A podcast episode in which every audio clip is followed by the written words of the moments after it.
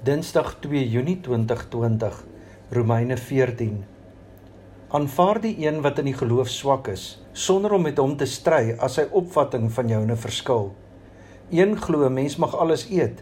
'n Ander is swak in die geloof en hy eet net groente. Die een wat alles eet, moet die ander wat net groente eet nie verag nie. En die een wat net groente eet, moet die ander wat alles eet nie veroordeel nie, want God het hom aangeneem. Wie is jy om oor iemand anders se bediende te oordeel? Sy eie werkgewer sal oordeel of hy goed doen of nie. Maar hy sal goed doen, daarvoor sal die Here sorg. Vir die een is een dag belangriker as ander dae. Vir 'n ander is alle dae ewe belangrik. Elkeen moet net in sy eie gemoed oortuig wees van sy opvatting. Die een wat 'n bepaalde dag op 'n besondere wyse hou, doen dit tot eer van die Here. Die een wat alles eet, doen dit tot eer van die Here, want hy dank God.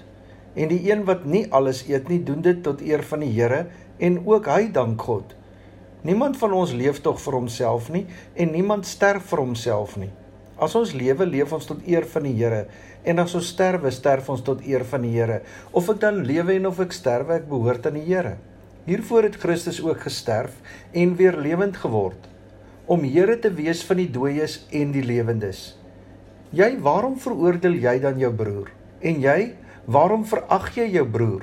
Ons sal tog almal voor die regterstoel van God moet verskyn, want daar staan geskrywe: So seker as ek lewe, sê die Here, voor my sal elke knie buig en elke tong sal bely dat ek God is. Elkeen van ons sal dus oor homself aan God rekenskap moet gee. Paulus worstel met die Christene wat dink hulle staan kop en skouers uit bo ander minder gelowiges terwyl hulle eintlik volgens Paulus liefdeloos en veroordelend is en dus die geloofspot mis het. Geloof sonder praktiese liefde het geen doel nie. 1 Korintiërs 13. Al praat ek die tale van mense en engele, maar ek het geen liefde nie, het ek 'n stuk klinkende metaal, 'n galmende simbaal geword. Al het ek die gawe van profesie en ken ek al die geheimenisse en besit ek al die kennis en het ek al die geloof om berge te versit, maar ek het geen liefde nie, dan is ek niks.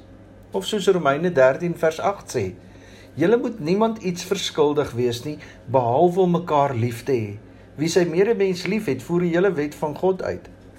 En dan vat Paulus dit nog verder in 1 Korintiërs 13 van vers 4 af. Die liefde is geduldig, die liefde is vriendelik. Dit is nie afgunstig nie, dit is nie grootpraterig nie, dit is nie verwaand nie. Dit handel nie onwelvoeglik nie, soek nie sy eie belang nie, is nie lig geraak nie en hou nie boek van die kwaad nie. Dit verbly hom nie oor onreg nie, maar verheug hom oor die waarheid. Dit bedek alles, glo alles, hoop alles, verdra alles. Paulus worstel met die gemeente in Rome oor allerlei konflikte in die gemeente. Hulle is liefdeloos en veroordelend teenoor mekaar. Die een dink dat sy geloof beter en groter en sterker as 'n ander een se is. En die rede, die ander doen en dink nie soos ek nie en tree nie soos ek op nie. Paulus sê sommer reguit in vers 4: Wie is jy om oor iemand anders se bediende te oordeel? Sy eie werkgewer sal oordeel of hy goed doen of nie. In die gemeente in Rome was daar bekeerlinge uit die Joodse agtergrond en bekeerlinge uit ander nasies, byvoorbeeld Palestynë, Siriërs, Grieke, Romeine. Daar was dus mense met drasties verskillende agtergronde, gebruike, kulture en gewoontes en hulle vorm nou een Christelike geloofsgemeenskap. 'n Wonderlike ding het hier gebeur. Uit verskillende volke, tale en nasies het 'n gemeente ontstaan.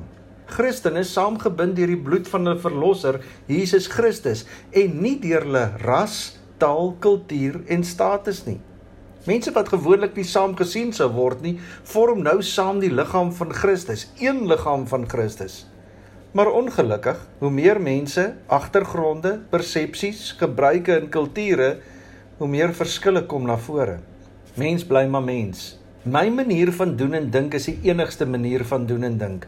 My manier van aanbidding is die enigste manier van aanbidding. Die een spring te veel rond en die ander een is te dood vir my, dankie. Klink bekend of hoe? Ons kom uit verskillende agtergronde. Ons is verskillend grootgemaak. Ons persepsies oor sake verskil. Ek kan passievol wees oor een saak terwyl dit jou glad nie raak nie en andersom. Ons kan selfs passievol wees oor dieselfde saak terwyl ons totaal die teenoorgestelde daaroor voel. In hierdie gemeente het hierdie verskille daartoe gelei dat hulle mekaar se geloof in twyfel getrek het. Omdat jy nie soos ek dink en voel nie, is my geloof sterker as joune en daarom is ek 'n ware wedergebore Christen en jy moet nog tot bekering kom. Paulus sê nou, goed, as jou geloof nou sterker is, Romeine 14 vers 1, aanvaar die een wat in die geloof swak is, sonder om met hom te stry as sy opvatting van joune verskil. Een glo 'n mens mag alles eet, 'n ander is swak in die geloof en hy eet net groente. Die een wat alles eet, moet die ander wat net groente eet nie verag nie, en die een wat net groente eet, moet die ander een wat alles eet nie veroordeel nie, want God het hom aangeneem. Paulus sê, as iemand van jou verskil, selfs oor diep geloofsaake, moet jy die ander een aanvaar, nie verag nie en nie veroordeel nie. Hoekom nie? Kyk mooi wat daar staan, want God het hom aangeneem. 1 Johannes 5 vers 12 en 13 sê: Wie die Seun het, het die lewe. Wie nie die Seun van God het nie, het ook nie die lewe nie. Hierdie brief skryf ek vir julle sodat julle kan weet dat julle die ewige lewe het, julle wat in die Seun van God glo. As jy glo dat Jesus Christus jou enigste verlosser is, dan is jy gered. As jy in die seun van God glo, dan het jy die ewige lewe finies en klaar. Dan maak dit nie saak oor hoe drasties ons van mekaar verskil oor sekere sake nie. Want as jy dit glo, is dit die bewys dat God jou aangeneem het en daarom kan niemand jou veroordeel nie. Romeine 8 vers 33. Wie kan die uitverkorenes van God aankla? God self spreek hulle vry. Wie kan ons veroordeel? Christus Jesus het gesterf, maar meer is dit, hy is uit die dood opgewek. Hy sit aan die regterhand van God. Hy pleit vir ons. Daarom sê Paulus ook hier in Romeine 14: Aanvaar die een wat in geloof swak is, sonder om met hom te stry as sy opvatting van joune verskil.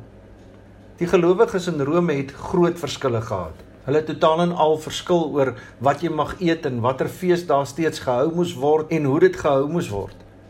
Vir sommiges was dit ononderhandelbaar en ander het weer geen belang daarbey gehad nie. Vir sommiges was dit juis die teken van hulle geloof en vir ander was dit 'n struikelblok in hulle geloof. Vir sommiges was sekere kosse hulle hele lewe lank rein en sekere kosse onrein. Sekere dae was heilig en ander dae nie. My manier is die enigste manier. My manier van glo is die enigste manier van glo. Dan was daar die ander Christene wat gevoel het dat sekere gebruike en sekere manier van doen sy tyd uitgeloop het. Hulle het geglo dat verlossing deur Christus jou vrymaak van alle vorige rituele en gebruike. Hulle het daarom geen probleem gehad om nou alle kossoorte met vrymoedigheid te eet nie. Vir hulle was daar ook nie spesiale feesdae wat jy moes gehou het nie. Alle dae was vir hulle dieselfde, ewe belangrik. Die probleem in die gemeente het gekom toe die een groep die ander begin voorskryf het. Ons manier is die enigste manier want ons weet wat geloof is en wat geloof nie is nie. 'n Christen lyk dink en doen presies soos wat ek lyk dink en doen en klaar. En hulle het dit van almal verwag. Die gevolg daarvan was dat die verskillende groepe mekaar se geloof betwyfel het. Vergete is Romeine 8 vers 33. Wie kan die uitverkorenes van God aankla? God self spreek hulle vry. Nee, ons besluit wie gered is en wie nie. En so lag die duiwel oor hoe hy nie 'n vinger hoef te verroer nie. Christene sal mekaar self uitsorteer en veroordeel en mekaar se geloof betwyfel.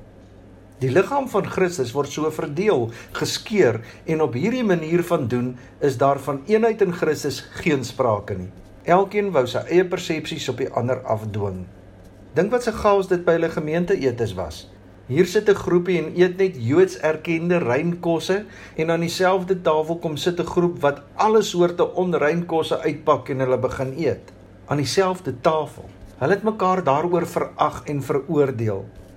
In sy beoordeling van die situasie noem Paulus die eerste groep wat alles eet, die wat sterk is in die geloof. Hulle weet en besef dat in Christus alles rein is en dat alle daarvoor God dieselfde is. Hulle weet dat God jou beoordeel op grond van hoe jou geloof in liefde uitgeleef word en nie deur die feit of jy alles reg doen nie. Niemand kan nie. Dit is mos hoekom Jesus Christus gesterf het.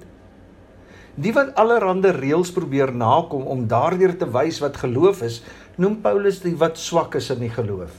Maar hy dwing hulle ook nie om soos die ander te wees nie. Want in jou Christendom is daar plek vir eie oortuigings wat van ander se oortuigings kan verskil. Maar hierdie groepe het teenoor mekaar gestaan en mekaar se geloof bevraagteken. Jy dink en doen nie soos ek nie en daarom is jy nog nie gered nie. In hulle veroordeling van mekaar was hulle blind vir die band wat hulle mekaar gebind het, naamlik Jesus Christus. Die Christene in Rome moes dit net weer hoor. Hulle is verkeerd oor mekaar want God het almal van hulle aangeneem. Christendom begin nie by wat ons doen of nie doen nie, maar dit begin en eindig by God. Jou verhouding met Jesus Christus is al wat saak maak. Vers 7. Niemand van ons leef tog vir homself nie en niemand sterf vir homself nie. As ons lewe, leef ons tot eer van die Here. En as ons sterwe, sterf ons tot eer van die Here. Of ons dan lewe en of ons sterwe, ons behoort aan die Here. Hoe jou prentjie van geloof verder ingekleer is, is jou saak. Dit is tussen jou en God, maar moenie iemand anders veroordeel nie. Here skenk aan ons die genade. Lig waar ons net donker sien, moed waar ons vrees, hoop waar ons wanhoop, vrede waar ons gemoedere storm, vreugde waar ons hartseer is, krag waar ons swak is, wysheid waar ons verward is, sagtheid waar ons bitter is, liefde waar ons haat.